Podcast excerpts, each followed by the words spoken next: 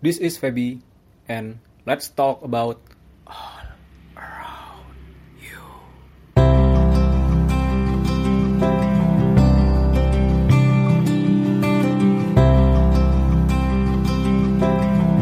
Kali ini gue pengen ngobrol sama seorang hmm, apa nih mental health enthusiast bukan?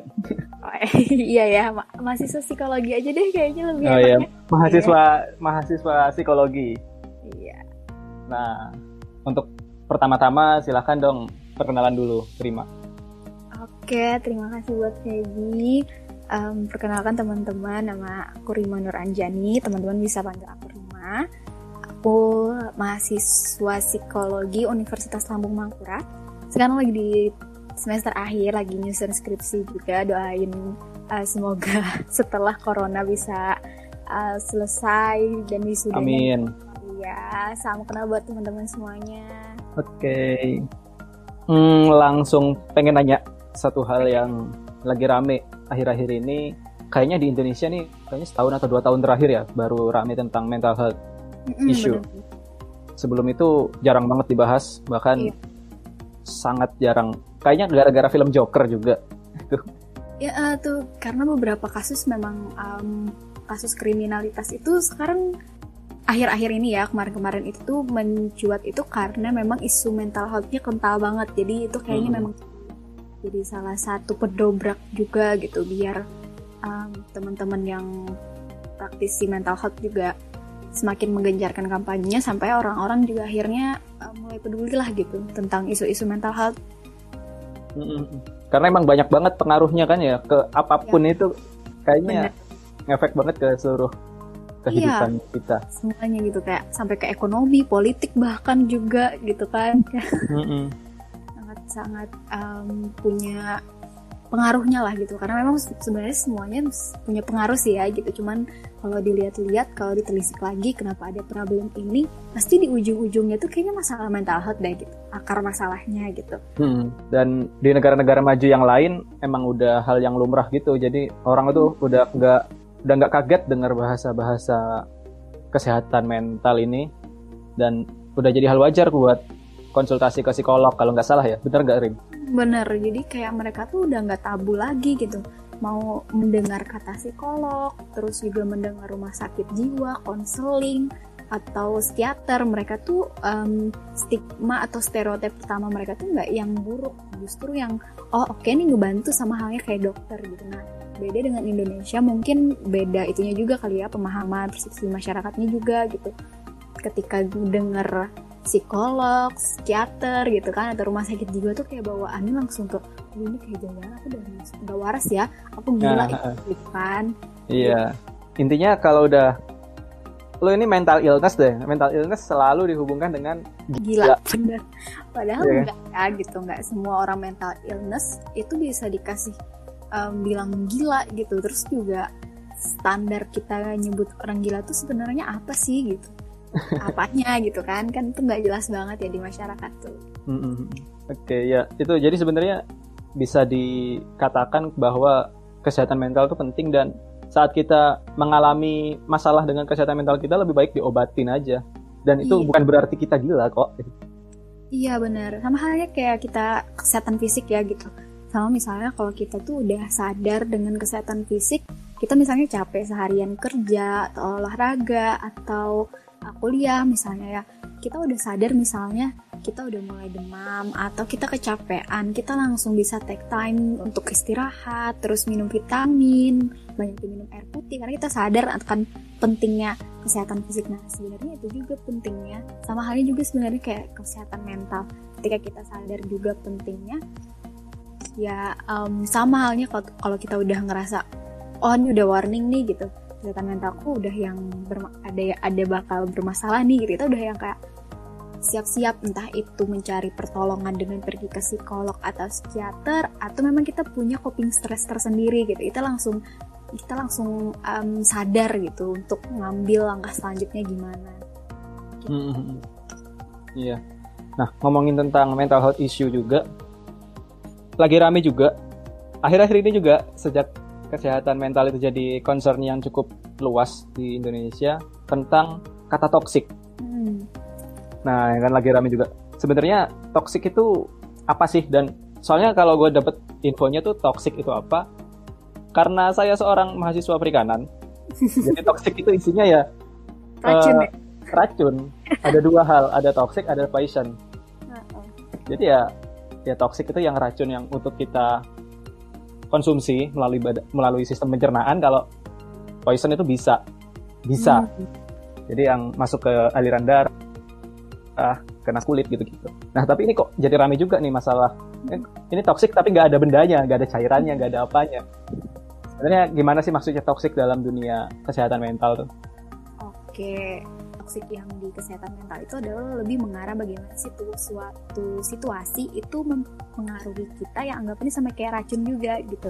Bikin kita nggak kalau di fisik kan mungkin kayak racun tadi ya kayak bisa itu bakal bikin kita sakit, bikin kita organ tubuh kita nggak bisa berfungsi gitu ya. Nah sama halnya sebenarnya dengan em, toksik di kesehatan mental atau di psik- psikis kita gitu ketika sesuatu nih ada entah itu pengalaman kejadian orang gitu kan atau sesuatu yang masih kasat mata berupa sikap misalnya ya gitu nah Hmm. itu bikin kita ngerasa nggak bisa berfungsi tapi yang ber, yang nggak bisa berfungsi itu adalah misalnya potensi kita atau aktivitas kita gitu ya atau bahkan bisa membuat pikiran sama hati kita tuh kayak kayak apa ya terganggu gitu sama halnya kayak bisa tadi yang kalau masuk ke dalam tubuh manusia itu bakalan menggerogoti bahkan bikin orang mati nah sebenarnya mirip-mirip juga cuman sasarannya lebih ke pikiran hati otak nah kayak gitu lebih hubungannya lebih ke psikis gitu Nice, iya iya. Tapi juga nggak bukan sesuatu yang nggak bahaya juga kan? Berarti kalau parah juga bisa mem- bisa mematikan juga. Orang bisa Iya, bunuh diri. Mm-mm. sampai bunuh diri ya kan kalau udah misalnya dibully terus apa gitu ya toxicsnya Iya iya. Nah terus nih Rin, sebenarnya ada apa aja sih toxic itu maksudnya? Kan ada yang sering sering dengar toxic relationship, ada toxic eh, eh, toxic toxic people. Ada apa aja sih sebenarnya? Oke, ini yang aku tahu itu ada lima sebenarnya. Kalau aku Hmm. ya yang tahu mungkin nanti teman-teman bisa cari lagi lah ya. Yang pertama itu toxic relationship, yang kedua toxic family, yang ketiga toxic friends atau people lah ya. Toxic success juga ada ternyata. Terus Hmm. yang itu toxic positivity. Nah, Hmm. jadi tuh kayak ternyata banyak banget ya toxic toxic di dunia ini. Banyak racun gitu ternyata kan di dunia ini. Dan takut itu kalau ternyata kita tuh jadi salah satu di antara kategori ini gitu itu kan yang bahayanya gitu Um, jadi Hmm. ngebahas ini sebenarnya sebagai cara kita untuk introspeksi diri juga gitu bahwa oh bisa jadi ya sebenarnya toksik itu diri kita juga ya gitu kita ngerasa oh, Hmm. orang lain yang toksik ya ternyata bisa jadi kita sendiri gitu Oh iya bener banget. iya kan Iya iya. Iya tuh bener. Selama ini mikir, ah ini jangan deket-deket dia. Kalau temenan sama dia, dia tuh orangnya agak toksik buat kita gitu. ah gitu kan padahal Tapi kita nggak tahu ya. ya Kita bisa jadi di kehidupan orang lain ternyata kita yang toksik gitu nah itu pentingnya kenapa aku suka banget Bener. gitu ngebahas-bahas kayak gini biar biar sebelum kita mengoreksi atau menilai orang lain ya kita nilai diri kita dulu gitu kira-kira di kehidupan orang lain kita bakal jadi bisa jadi dianggap toksik nih gitu kalau kita ternyata eh, memiliki kriteria-kriteria yang disebutin sama para ahli bahwa itu termasuk kategori toksik tadi gitu. nah itu bahaya banget sih sebenarnya Iya iya. Ini nanti kita apa sih? Gue pengennya lebih bahas tentang aplikatifnya sih. Apa yang bisa kita lakukan untuk lebih aware sama sifat toksik itu atau gimana menghadapinya. Nah. Gimana biar kita tahu kita itu sebenarnya toksik buat orang. Kayak penting deh. Hmm, oke. Jadi sebenarnya kalau aku sendiri ya, aku tuh pernah juga Feb, em, ini jadi curhat deh. Nggak Nggak apa-apa ya. Hmm, Oke. Jadi aku tuh pernah juga mengalami di suatu kondisi di toxic relationship, toxic friends sama toxic family gitu. Jadi kayak ngerasa dan akhirnya gitu Hmm. di salah satu step di kehidupan aku, aku udah ngerasa aku nggak bisa lagi lanjut nih. Aku harus perlu ke psikolog. Dan aku memang pergi ke psikolog untuk konsultasi dan problemnya adalah memang toxic si toxic tadi gitu bahwa oh ternyata I have so many toxic people in my life gitu kan. Jadi akhirnya itu bikin aku nggak bisa beraktivitas seperti biasanya gitu. Nah ketika um, konsultasi dengan konseling dengan psikolog pun juga akhirnya aku menemukan oh, oke okay, gitu. Sebenarnya ini ya yang harus aku lakukan. Oh bisa jadi um, ternyata aku juga yang jadi toxic di kehidupan mereka makanya mereka begitu ke aku gitu kan. Nah hmm. jadi makin ke sini juga akhirnya oke okay, um, kalau psikolog aku itu bilang bahwa kita punya dua cara gitu untuk bisa mengetahui orang lain itu toxic atau diri kita sendiri yang toxic yang pertama kita bisa pakai uh, meningkatkan self awareness kita ya kesadaran kan aware itu adalah kesadaran self diri ya mm -hmm jadi kesadaran pada diri hmm. kita, terus yang kedua adalah self exploration, uh, mengeksplorasi diri gitu. Nah, mirip hmm. aja sih sebenarnya gitu self awareness sama self exploration ini. Cuman kalau self exploration itu kita lebih meminta orang lain juga untuk um, mengetahui gitu. Oh, selama ini aku gimana ya gitu di kehidupan kalian gitu. Um, kalian minta feedback ke orang lain gitu, mengeksplorasi diri itu lebih ke apa ya? um, lebih tingkatnya lebih luas lagi gitu. Jadi bisa dengan dua hal tadi. Nah itu juga sih yang harusnya orang-orang juga, um, aku juga mengkampanyekan bahwa kita um, salah satunya ya dengan dua hal ini tadi gitu. Kita nggak bisa ngontrol orang lain kan setidaknya dengan self awareness dan self exploration ini bantu kita untuk terhindar dari toxic tadi. Mm -hmm. gitu. Terutama menghindarkan menghindarkan kita buat jadi orang yang toksik. Iya benar, jangan sampai kita yang jadi pelakunya nih gitu. Iya iya. Hmm. Emang indikatornya apa aja tuh Rim kalau kita udah self exploration ini? Cara mengukurnya itu kita toksik atau enggaknya dari mananya? Oke, jadi kalau kita tuh udah yang um, pertama sebenarnya kalau kita tuh udah yang punya self awareness itu kita tuh udah kenal sama diri kita sendiri kita udah tahu ke kelebihan kita, kita tahu kekurangan kita, kita tahu apa yang bikin uh, bisa menjadi trigger di kehidupan kita yang bikin kita stres. Terus juga kita tahu mekanisme copingnya gimana, um, coping stresnya gimana, atau katarsisnya gimana. Kita tahu akan itu, kita tahu potensi kita juga, terus kita tahu orang lain memandang kita sebagai apa, kita memandang diri kita sebagai apa, banyak sih sebenarnya gitu. Cuman yang penting adalah, oke okay, mungkin nggak semua um, kriteria atau standar itu kita penuhi gitu. Tapi paling enggak ya ada beberapa yang udah kita lakuin lah gitu. Nah itu kan menunjukkan bahwa sebenarnya kita udah aware nih sama diri kita sendiri gitu. Kita udah mencoba untuk oke kita udah mencoba untuk mengenal diri kita sendiri biar akhirnya toxic ini nggak men, apa ya menggerogoti diri kita sendiri gitu. Hmm. Jadi misalkan kita kayak uh, istilahnya bahasa umumnya mungkin introspeksi diri, kita ngelihat kita nih sudah sejauh apa sih interaksi sama orang misalkan misalkan kita temenan. Terus suatu saat misalkan Rima punya masalah, terus gue kasih saran yang agak nyeleneh mungkin. Setelah hmm. kita nah tapi kan kita nggak bisa tiba-tiba tahu gitu ya kalau kita nggak istilahnya ambil jeda buat mikirin itu kita harus hmm. tetap mikirin itu kan jadi yang dibutuhin itu sebenarnya uh, bener nggak ini? Ini kalau dikoreksi ya, bener nggak kalau yang dibutuhin tuh kita ambil jeda waktu sejenak buat kita mereview lagi apa-apa yang udah kita lakuin ke orang lain dan dari situ kita bisa ngelihat sebenarnya yang kita lakuin itu bener atau salahnya. Mm-mm, itu bener banget tuh. Jadi uh, penting banget buat kita misalnya ya kalau sebenarnya kita tuh udah diajarin ya kalau di, kita muslim ya di, di Islam tuh udah diajarin bahwa sebelum kita tidur kita tuh mereview lagi seharian kita kita ngapain aja, kita bersikap kayak gimana, orang lain um, entah kita yang berbuat kesalahan atau orang lain yang berbuat kesalahan, kita kalau ada yang berbuat salah sama kita kita maafin gitu kan. Terus yang kalau nanti ternyata kita sadar kita yang berbuat salah dengan orang lain besoknya atau saat itu juga kita berusaha untuk minta maaf dengan konteks dia gitu kan. Terus sebenarnya kita udah yang diajarin banget tuh gitu dari dulu dari zaman dulu gitu ya.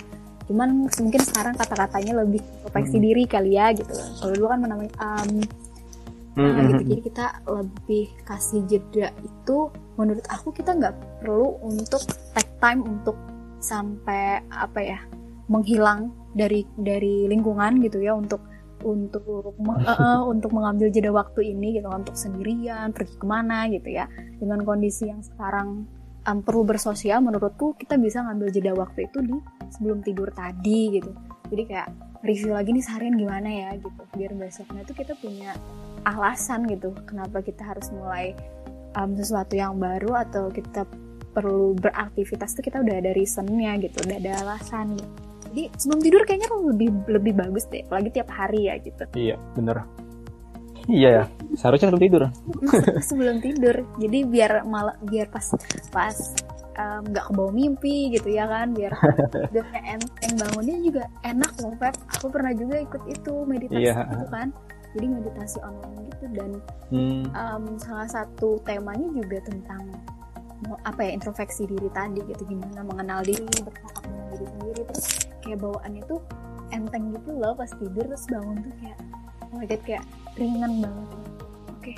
Hmm. yang iya, iya. memaafkan lah gitu mantap jadi yang sebelum tidurnya masih mainan HP sampai ketiduran tuh salah itu ya itu nanti iya tuh nonton drakor misalnya kita ya aduh aku tuh banget tuh uh, sampai iya. ketiduran yeah. gitu lupa segala macem headset masih di telinga gitu kan aduh bangun-bangun udah lupa semalam nonton apa ya, ya kan terus nggak sempet lagi tuh untuk introspeksi introspeksi yang lain iya iya benar benar nah terus nih Rim itu kan mm, bahasan tentang toxic yang supaya kita bisa utamanya supaya kita lebih bisa jadi orang yang jangan toksik ke lingkungan mm. dan kita. Nah, selanjutnya itu gimana kalau lingkungan kita yang toksik? Misal kalau ya lingkungan dari lingkungan secara umum kita toksik, lingkungan secara umum kita itu toksik nanti uh, kan itu berbahaya mm. dalam ya bahasa kesehatan mental kan itu bahaya buat kita. Apa tuh yang harus kita lakuin untuk menghadapi itu?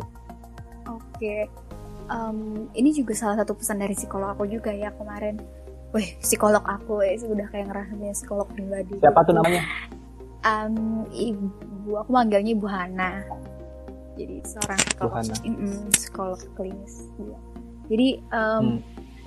apa ya kita itu punya tiga pilihan sebenarnya. Sama halnya kayak tiga level gitu loh. Jadi misalnya kita tuh udah tahu ya, kita udah merasa nih bahwa si orang atau lingkungan kita tuh udah toksik banget gitu ya sampai kita tuh beraktivitas tuh kayak terganggu gitu. Nah, mm-hmm. itu tuh punya tiga pilihan kata beliau. Yang pertama, kita tetap keep in touch dengan mereka, tetap um, berkomunikasi, tetap seperti biasanya, tapi dengan catatan bahwa kita udah sadar tujuan kita untuk berkomunikasi ini adalah ya kita paham dengan dinamika psikologis dia gitu beliau lebih menyarankan kita untuk um, mengajak memahami dinamika psikologis si orang tersebut. Ini misal kita ngomongin toxic um, family misalnya. Nah, hmm. misal salah satu anggota keluarga kita yang memang toxic gitu. Nah, kita bisa berusaha untuk um, memahami dinamika psikologisnya gimana. Oh, ternyata di balik sikap beliau yang seperti itu dulu masa lalunya begini ya gitu.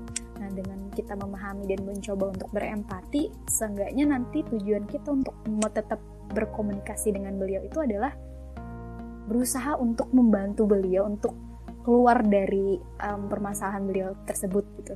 Jadi harapannya dengan kita memahami dinamika psikologisnya dan tetap um, berkomunikasi, berinteraksi seperti biasa, walaupun sikap beliau mungkin membuat kita nggak nyaman, tapi kita ingat tujuan kita adalah pengen me, um, membahagiakan lah ya namanya, um, simpelnya membahagiakan beliau gitu. Nah, Hmm. Karena kalau keluarga kan kita susah ya buat ngekat hubungan atau betul, nggak kan? mungkin rasanya ya. Banget, ya kan, hmm, pasti bakalan kayak ada apa nih gitu kan. Nah jadi yeah. itu bisa di dicoba gitu walaupun pasti sulit banget karena kita juga ngerasa kita yang sakitin gitu ya kan. Terus hmm. kita ngerasa aduh nih udah beliau yang salah gitu kan misal. Tapi kata beliau bisa dicoba kok gitu perlahan-perlahan gitu. Gak mesti harus dimaafkan tapi coba untuk terima dulu gitu. Dia ya, terima aja hmm. karena memang beliau tuh emang begitu gitu. Kita nggak bisa ngubah lagi gitu. Jadi kayak ya udah gitu. Jadi akhirnya it's okay kalau kita belum bisa memaafkan semua perilaku atau tindakan orang tapi tetap nanti goalsnya adalah tetap memaafkan tapi perlahan gitu. Menerima hmm. dulu gitu. Nah terus yang kedua kata beliau karena itu kalau toxic family kita susah tadi ya buat ngekat tadi. Nah ada juga yang kedua itu levelnya lebih um, tengah-tengah lah. Kita menjaga jarak menjaga kontak dengan orang-orang tersebut. Ini bisa kita lakuin ke uh, teman-teman atau ke pasangan. Misalnya kita coba untuk mengurangi komunikasi mengurangi interaksi dengan catatan ya selama kita tidak berinteraksi dengan mereka-mereka tersebut kita gunain waktu itu untuk ya apa tadi meningkatkan self awareness tadi gitu. Oh ternyata ya ini aku mencoba untuk um, menjaga diri dari orang tersebut ya karena alasannya ini ya gitu. Jadi lebih ngajak diri sendiri untuk berbicara gitu. Karena kalau hmm. kita coba untuk kayak gitu ujung-ujungnya harapannya kita tuh nggak benci atau dendam gitu tapi mencoba untuk menyelamatkan diri nih gitu. Nggak ada maksudnya kita tidak meninggalkan rasa-rasa dengki eh dengki bukan som apa kayak benci gitu ya takutnya gak ada benci ya? dendam mm, takutnya nanti kan dendam dan segala macam. Kita memahami lagi tujuan kita untuk uh, mengurangi komunikasi tadi gimana gitu ketemunya mungkin pas di event-event tertentu aja misalnya di acara keluarga doang atau di hari raya misalnya ketemunya. Dan kalau diajak gathering mungkin kita akan menghindar gitu ya kan. Nah itu mungkin bisa dilakuin. Terus yang ketiga hmm. itu emang no kontak banget. Anggapannya kita nggak nggak sama sekali berkomunikasi. Putus hmm. banget nih gitu. Nah ini sebenarnya bisa dilakuin juga juga tapi perlu catatan gitu. Karena kalau kita memutus sepenuhnya itu bakalan apa ya kayak banyak banget gitu ya hal-hal di luar di sekeliling kita yang bakalan ikut ikut apa ya ikut campur ikut campur sih ikut terpengaruh gitu ya kan. Entah itu orang yang di sekeliling hubungan kita dengan si orang tersebut gitu kan tuh bakalan mempengaruhi juga gitu. Jadi kalau kita emang hmm. mau benar-benar memutus komunikasi atau interaksi dengan orang tersebut kita harus nanya lagi nih gitu. Dia um, layak nggak ya gitu untuk menerima sikap ini gitu. Terus juga apakah dengan cara ini adalah salah satunya cara gitu buat bikin kita lebih tenang atau lebih bahagia atau jangan-jangan dengan ini nanti bakalan menimbulkan masalah baru gitu jadi hmm. jadi ada tiga level gitu dari level yang anggapannya easy medium sama hard gitu ya jadi hmm. yang hard itu oke okay, mungkin kalau memang orangnya ternyata pertama kita bisa tanyain ke diri kita sendiri nih itu orang ngelakuin salah berapa kali gitu dia udah nyakitin kita secara apa aja nih gitu secara mental fisik atau verbal juga kah gitu kan? Atau hal-hal lain hmm. juga udah mempengaruhi kita. Terus juga apakah dia ketika kita mencoba untuk berkomunikasi nah ini penting juga gitu. Ketika kita merasa orang tersebut toksik itu coba kita untuk komunikasikan gitu. Apa perasaan kita ke mereka. Terus juga kayak um, mencoba untuk berbicara gitu. Untuk menyampaikan pesan. Nah kalau mereka ternyata tidak merasa bersalah ya ketika kita udah mencoba untuk curhat-curhatan misalnya kayak negosiasi hmm. gitu kan kayak rekonsiliasi juga gitu. Tapi orang tersebut tuh kayak nggak merasa salah dan segala macam. Oke ini udah masuk parah nih gitu. Terus dia nggak ada ternyata gitu. Ternyata um, sikap atau perbuatan dia tuh yang menunjukkan bahwa dia pengen memperbaiki diri. Terus ternyata makin parah makin parah. Oke mungkin itu um, dengan memutus komunikasi atau interaksi tadi mungkin itu akan menjadi salah satu bukan salah satu sih jadi satu-satunya gitu cara untuk menyelamatkan mental kita dan itu bakalan lebih worth it tapi hmm tetap dengan berbagai resiko tadi gitu. Iya iya.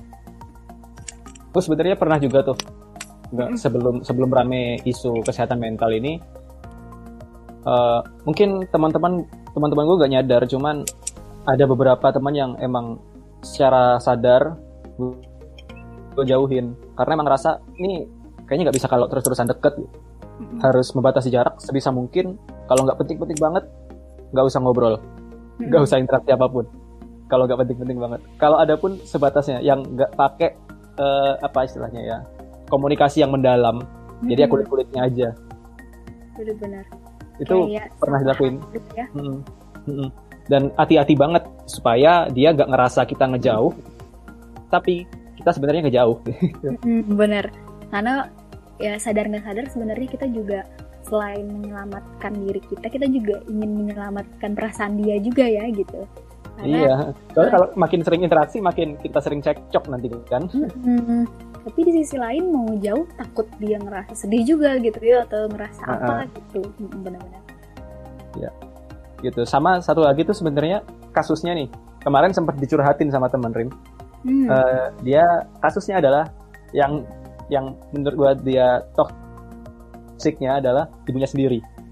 Hmm, Oke. jadi itu kayak kayak apa pun yang dilakuin dia punya passion A ibunya tidak tahu dan tidak mau tahu pokoknya Hmm. maunya ibunya B dan untuk komunikasi pun nggak mau Hmm. kayak ya eh, apa ya istilahnya mungkin kalau di dunia perpolitikan tuh politik politisi-politisi yang tua yang nganggep politisi muda sampai nggak bisa ngomong gitu lah ya Oke oke. kayaknya kayaknya gambarannya kayak gitu jadi merasa udah paling tahu dan anaknya nggak tahu apa-apa dia atur semaksimal mungkin dan nggak mau mendengarkan apa pun kata anaknya nah sedangkan mereka satu rumah dan susah apalagi di masa pandemi gini nggak bisa keluar Iya, ke mana-mana itu terjebak banget dia makanya ini pengen tahu juga Hmm. gimana tuh Rin?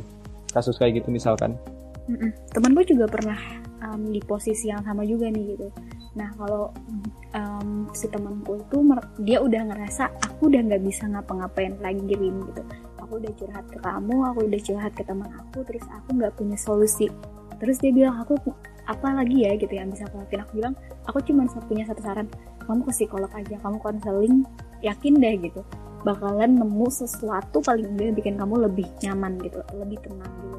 Dan dia juga akhirnya ke psikolog langsung em, entah apa yang mereka berdua lakuin ya.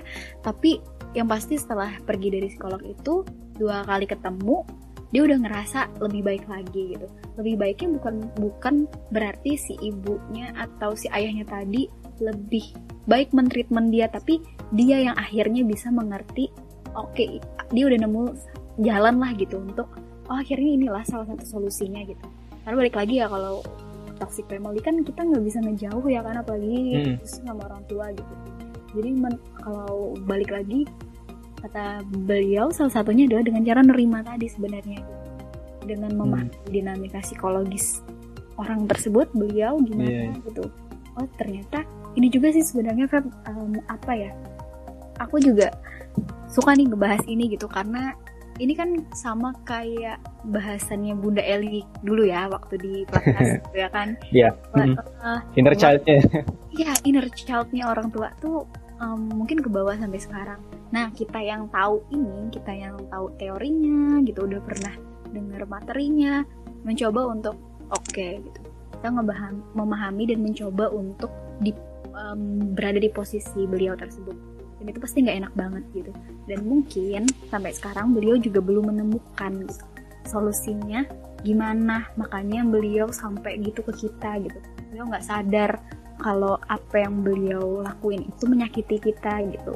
Even dia juga nggak buka komunikasi dengan kita karena ngerasa ya em, bisa berat, bisa juga beliau nggak sadar itu itu menyakiti atau memang beliau menjadikan itu sebagai pelarian gitu. Kita nggak tahu.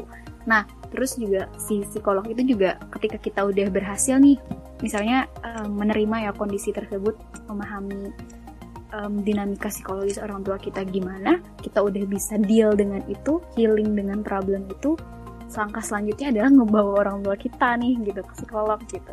Karena itu salah satu cara juga ketika kita udah berhasil untuk komunikasi nanti gitu kan ber- pasti bertahap gitu. Dan ini pasti gak gampang. Kita Pasti berat. iya, effortnya pasti ber. apalagi bu ibu coba deh ke psikolog gitu ibu coba deh ke psikolog ah, kamu kira aku Anak gila gitu kan. Bilang ibumu gila. Aduh. Langsung dikira mau masukin ke rumah sakit jiwa gitu kan. Apalagi orang tua yang nggak paham gitu. Itu dan sebenarnya itu kita banyak. Kontrol bener itu. Nggak cuma orang tua bahkan teman-teman kita pun yang seumuran pun mungkin masih banyak yang nganggep kalau psikolog itu ya hubungannya berarti kita udah gila kita udah depresi kita frustrasi udah nggak waras lah intinya gitu kalau udah ke psikolog tuh. Iya. Bener asli. Mm-mm. dari situ juga sih sebenarnya. Kenapa juga? Aku kan suka nih bilang ke teman-teman aku juga pernah ke psikolog loh gitu. Aku punya psikolog pribadi gitu maksudnya aku punya psikolog yang memang sama kayak halnya dokter ya gitu. Kita perlu dokter rumah dokter keluarga gitu ya. Kita punya dokter yang memang dokter kita banget nih gitu kan. Halnya kayak psikolog gitu. Jadi karena emang aku ngerasa aku di momen tertentu aku udah ngerti udah memahami em, ambang batas ketahanan mentalku tuh sampai mana gitu. Nah, ketika aku emang udah ngerasa aku udah di ambang batas, ya salah satu cara terakhirnya adalah aku dengan konseling lagi gitu atau cur apa cerita lagi lah bahkan gitu cerita-cerita doang gitu sama psikolognya. Dan itu emang sangat membantu menurutku gitu. Karena treatmentnya pasti beda Feb antara kita, kita curhat sama temen ya sama psikolog tuh beda banget gitu. Jadi kayak apa ya? Enak aja gitu kayak ngerasa apa ya?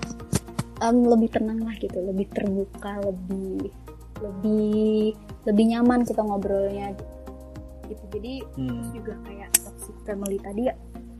Um, aku pernah lihat pernah bukan pernah lihat aku pernah menghadiri salah satu seminar parenting yang ngebahas inner child juga. Jadi em, aduh aku pokoknya pas pas pas denger materi itu tuh kan tuh posisi Melek ya? iya gitu. Dan nangis sebenarnya gitu. Langsung kayak Oh. karena di samping aku tuh orang tua semua. Dan kondisinya adalah Hmm. beliau selesai. Dan anggapnya itu di momen terakhir ya. Kalau kayak Bunda Eli kemarin itu udah yang di sesi-sesi terakhir. Ya kita kayak udah kayak SQ gitu. Orang tua tuh kayak langsung menangis sesudukan nangis Hmm. aduh nangisnya tuh kayak ngerasa bersalah gitu. Bilang bahwa ya Allah aku tuh aku nggak tahu kalau anakku tuh ternyata bisa tersakiti gitu. Aku aku nggak sadar apa yang aku lakuin sekarang em, menyakiti dia. Aku- kalau aku tahu aku nggak bakalan melakukan itu gitu. Sampai kayak beberapa orang tua tuh kayak gitu. Jadi kayak, kayak ngerasa ya ampun gitu. Bisa jadi nih gitu. Teman-teman aku yang di posisi kayak gini nih orang tuanya tuh kayak gini juga kalau tahu dan paham materi ini gitu. Beliau aku yakin deh gitu nggak ada sih orang tua yang mau jahatin an- anaknya atau atau Hmm. em, berharap dan buruk sama anaknya gitu. Pasti di titik terakhir nuraninya pasti bilang dia bakal nyelamatin anaknya gitu. Dan dan aku jadinya juga sadar gitu mbak. Oh my god gitu ya orang tua tuh ternyata ya marah-marah gini sama aku tuh nggak ada niat sama sekali nih gitu.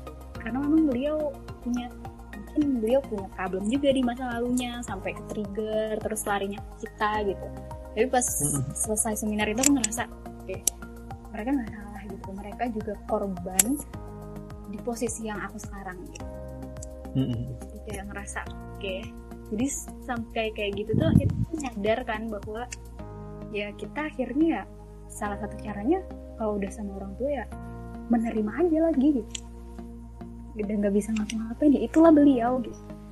Dan akhirnya ketika udah nerima-nerima ya akhirnya kita bisa bisa memaafkan akhirnya gitu. Terus juga ketika nanti orang tua mungkin marah sama kita ujung-ujungnya kita lebih kayak oke mungkin beliau ke trigger kali ya gitu. Sama omongan Hmm. aku atau semua tindakan aku. Oh aku kalau aku sih sekarang lebih suka candain sih kadang. Kayak misalnya Gimana nih, kayak misalnya orang tua lagi marah ya. Terus juga Hmm. misalnya si Umi lagi marah. Oke si inner child-nya lagi kambuh nih lagi kambuh nih gitu. Jadi kayak oke jadi kayak aku ngeliatnya kayak oh ini ini anak kecil nih yang lagi lagi ngomelin aku nih gitu. Jadi kayak aku lebih kayak oke oke. Jadi kayak ngerasanya lagi dengerin anak kecil ngomel gitu loh. Jadi oke jadi nggak nggak ada rasa untuk marah balik atau apa ya kesel gitu. Kesel sih ada cuman kayak sedikit gitu ya karena akhirnya kayak oke dia juga pasti ini, ini lagi ini anak kecil nih yang ngomelin aku nih gitu. Jadi kayak suka dibercandain sih gitu. Sampai akhirnya Hmm. em, coba ngobrol juga kan ngomelin juga kan tentang kesehatan mental dan segala macam ya. Jawabannya ternyata sama gitu bahwa beliau juga eh, melakukan hal tersebut juga karena nggak sadar gitu. Karena nggak tahu kalau ternyata itu bikin anak. Mm-mm. Itu sih jadi buat teman Feby semoga ya, saran aku kalau emang udah yang nggak bisa banget em, beraktivitas karena problem tersebut pergi ke psikolog itu salah satu em, solusi terbaik menurut aku Iya iya kasih solusi-solusi lain setelah itu iya benar. Iya sih pengen nyoba ke psikolog. Sebenarnya eh, tahu kalau psikolog tuh biasa aja gitu dan itu sebuah solusi sebenarnya bukan satu yang buruk. Tapi gue sendiri sebenarnya belum pernah.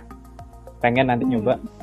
Sekarang sekarang sekarang sih lebih banyak ke eh, apa ya kayak memahami masalah mental pribadi dulu sendiri. Kayak baca Hmm. kemarin sempat nyari-nyari tahu baca-baca juga tentang mindfulness. Jadi lebih kita bisa terima keadaan segala macam dan itu emang jauh lebih menenangkan sih karena kita tahu kita tahu kita menerima kita memaafkan dan kita siap lanjut gitu Mm-mm, bener kayaknya sampai sekarang juga sejak sejak baca-baca segala macam.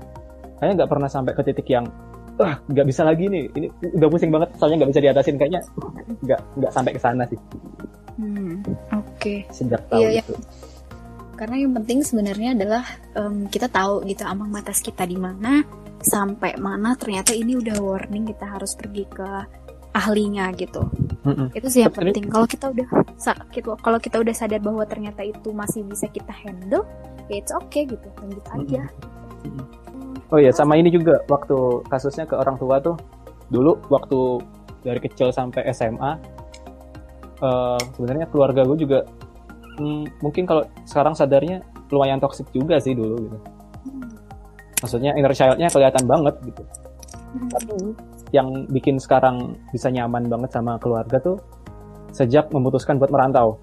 Yang pulang Hmm. setahun dua kali, pulang maupun seminggu dua minggu doang, Hmm. jarang banget ketemu. Jadi kayak sejak jauh itu yang awalnya nggak pernah ngucapin selamat hari ibu, tiba-tiba Hmm. waktu jauh berani buat nge-SMS atau nge-WA ibu. Nyoba gitu, penasaran aja. Soalnya teman-teman banyak yang ngomong gitu dan biasa aja gitu. Orang tuanya pun seneng. Jadi masa nggak pernah Iya. nyoba. Akhirnya dengan nyoba kayak gitu mungkin itu jadi sebuah terapi juga buat hubungan kami. Jadinya Hmm. lebih baik aja sih. Komunikasi juga enak. Terus apa ya istilahnya? Biasanya kan dulu orang tua selalu nasihatin anak. Sekarang kalau kita nyoba ngasih masukan ke orang tua, istilahnya nasihatin juga tuh mereka bisa denger. Itu kayak satu perubahan yang signifikan sejak Hmm. memberi jarak.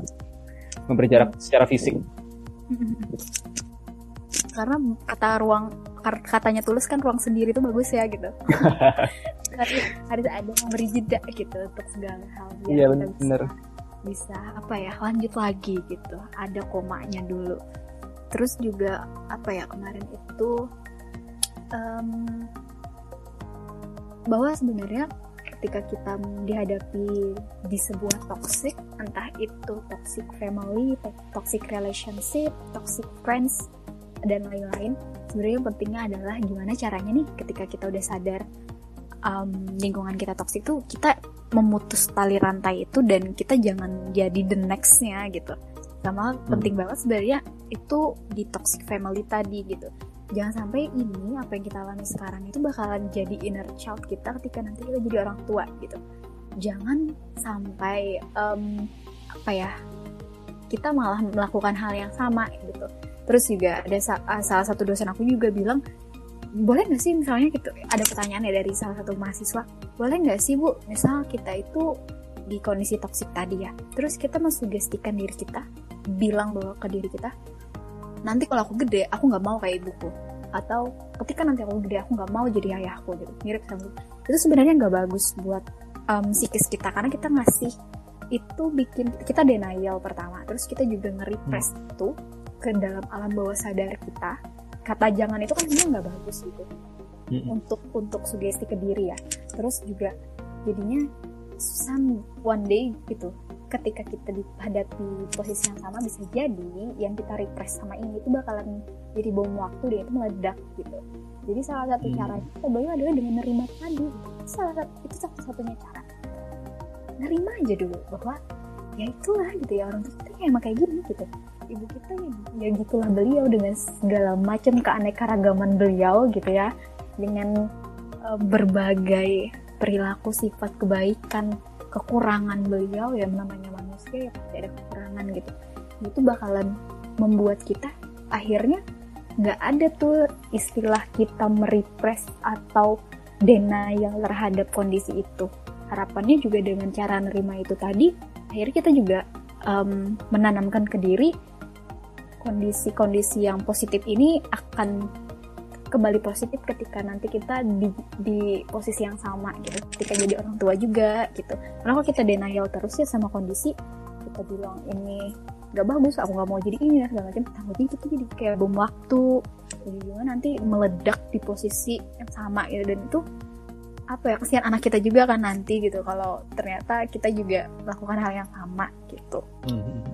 Terakhir Im, oke pertanyaan terakhir uh, di masa di masa pandemi terutama kayak sekarang kita yang kumpul sama keluarga otomatis bakal intens banget buat interaksi sama keluarga kita. Kalau misalkan di kosan atau di kontrakan yang nggak bisa pulang nggak bisa mudik segala macam kita bakal intens sama lingkungan itu. Hmm. apa pun itu istilahnya mobilitas kita sekarang sedang ditahan sedang dibatasi banget. Kita nggak bisa menghindar kalau emang kita pengen menghindar jadi ada saran nggak buat orang-orang yang merasa lingkungannya saat ini sedang dianggap toksik sama dia, dia harus gimana? Oke, okay. itu yang aku mau bilang bahwa teman-teman yang mungkin punya triggernya sekarang di rumah, di lingkungan terdekatnya, terus di pandemi sekarang nggak bisa cari cara untuk rilis karena terbatas ruang gerak, aku cuma mau bilang kalian tuh kuat dan makasih sudah mau bertahan gitu sampai sekarang. Terus yang selanjutnya kita punya waktu um, sama 24 jam sehari. Terserah teman-teman mau gunain itu untuk perbanyak komunikasi dengan orang tersebut atau menguranginya tapi dengan catatan menggunakan waktu yang ada untuk um, self awareness tadi meningkatkan self awareness sama self exploration tadi karena dengan cara yang tadi itu juga dan dua hal itu tersebut kita bisa um, akhirnya deal dengan dealing dengan kondisi kondisi trigger kita yang sedang kita hadapi tadi. Jadi buat teman-teman usahain sisihkan waktunya di 24 jam sehari tersebut untuk entah itu meditasi, ikut meditasi online, atau mencoba untuk eksplorasi diri, um, atau menulis kelemahan kekurangan atau sebelum tidur coba praktikkan gimana ya seharian ini aku ngapain gitu aku berbuat apa aja. Aku um, memaafkan orang lain aku menerima kondisi yang sudah terjadi hari ini dan besok aku akan berusaha untuk jadi pribadi yang lebih bahagia lagi. Jadi buat teman-teman aku yakin teman-teman masih kuat tapi kalau memang udah ngerasa itu ngeganggu banget sampai teman-teman gak bisa beraktivitas lain-lain, aku saranin teman-teman untuk pergi ke psikolog. Kalau nggak memungkinkan bisa kontak psikolognya via WhatsApp mungkin atau janjian buat teleponan atau Zoom atau Google Meet lah gitu ya. Uh, yang penting hmm. bisa komunikasi dengan para ahli. Nah mungkin itu aja. Tetap semangat. Okay. Semua bakal bakal baik baik aja. Siap. Semua bakal baik baik aja. Siap. Pasti. Makasih banyak ya Rim udah iya. berbagi tentang ilmunya yang aplikatif. Aduh, sedikit ini sharing-sharing saja. Makasih juga buat Feby sudah uh, mengajak diskusi, ngajak sharing. Semoga bermanfaat konten-kontennya. Amin. Amin. Ya, makasih. Iya, sama-sama.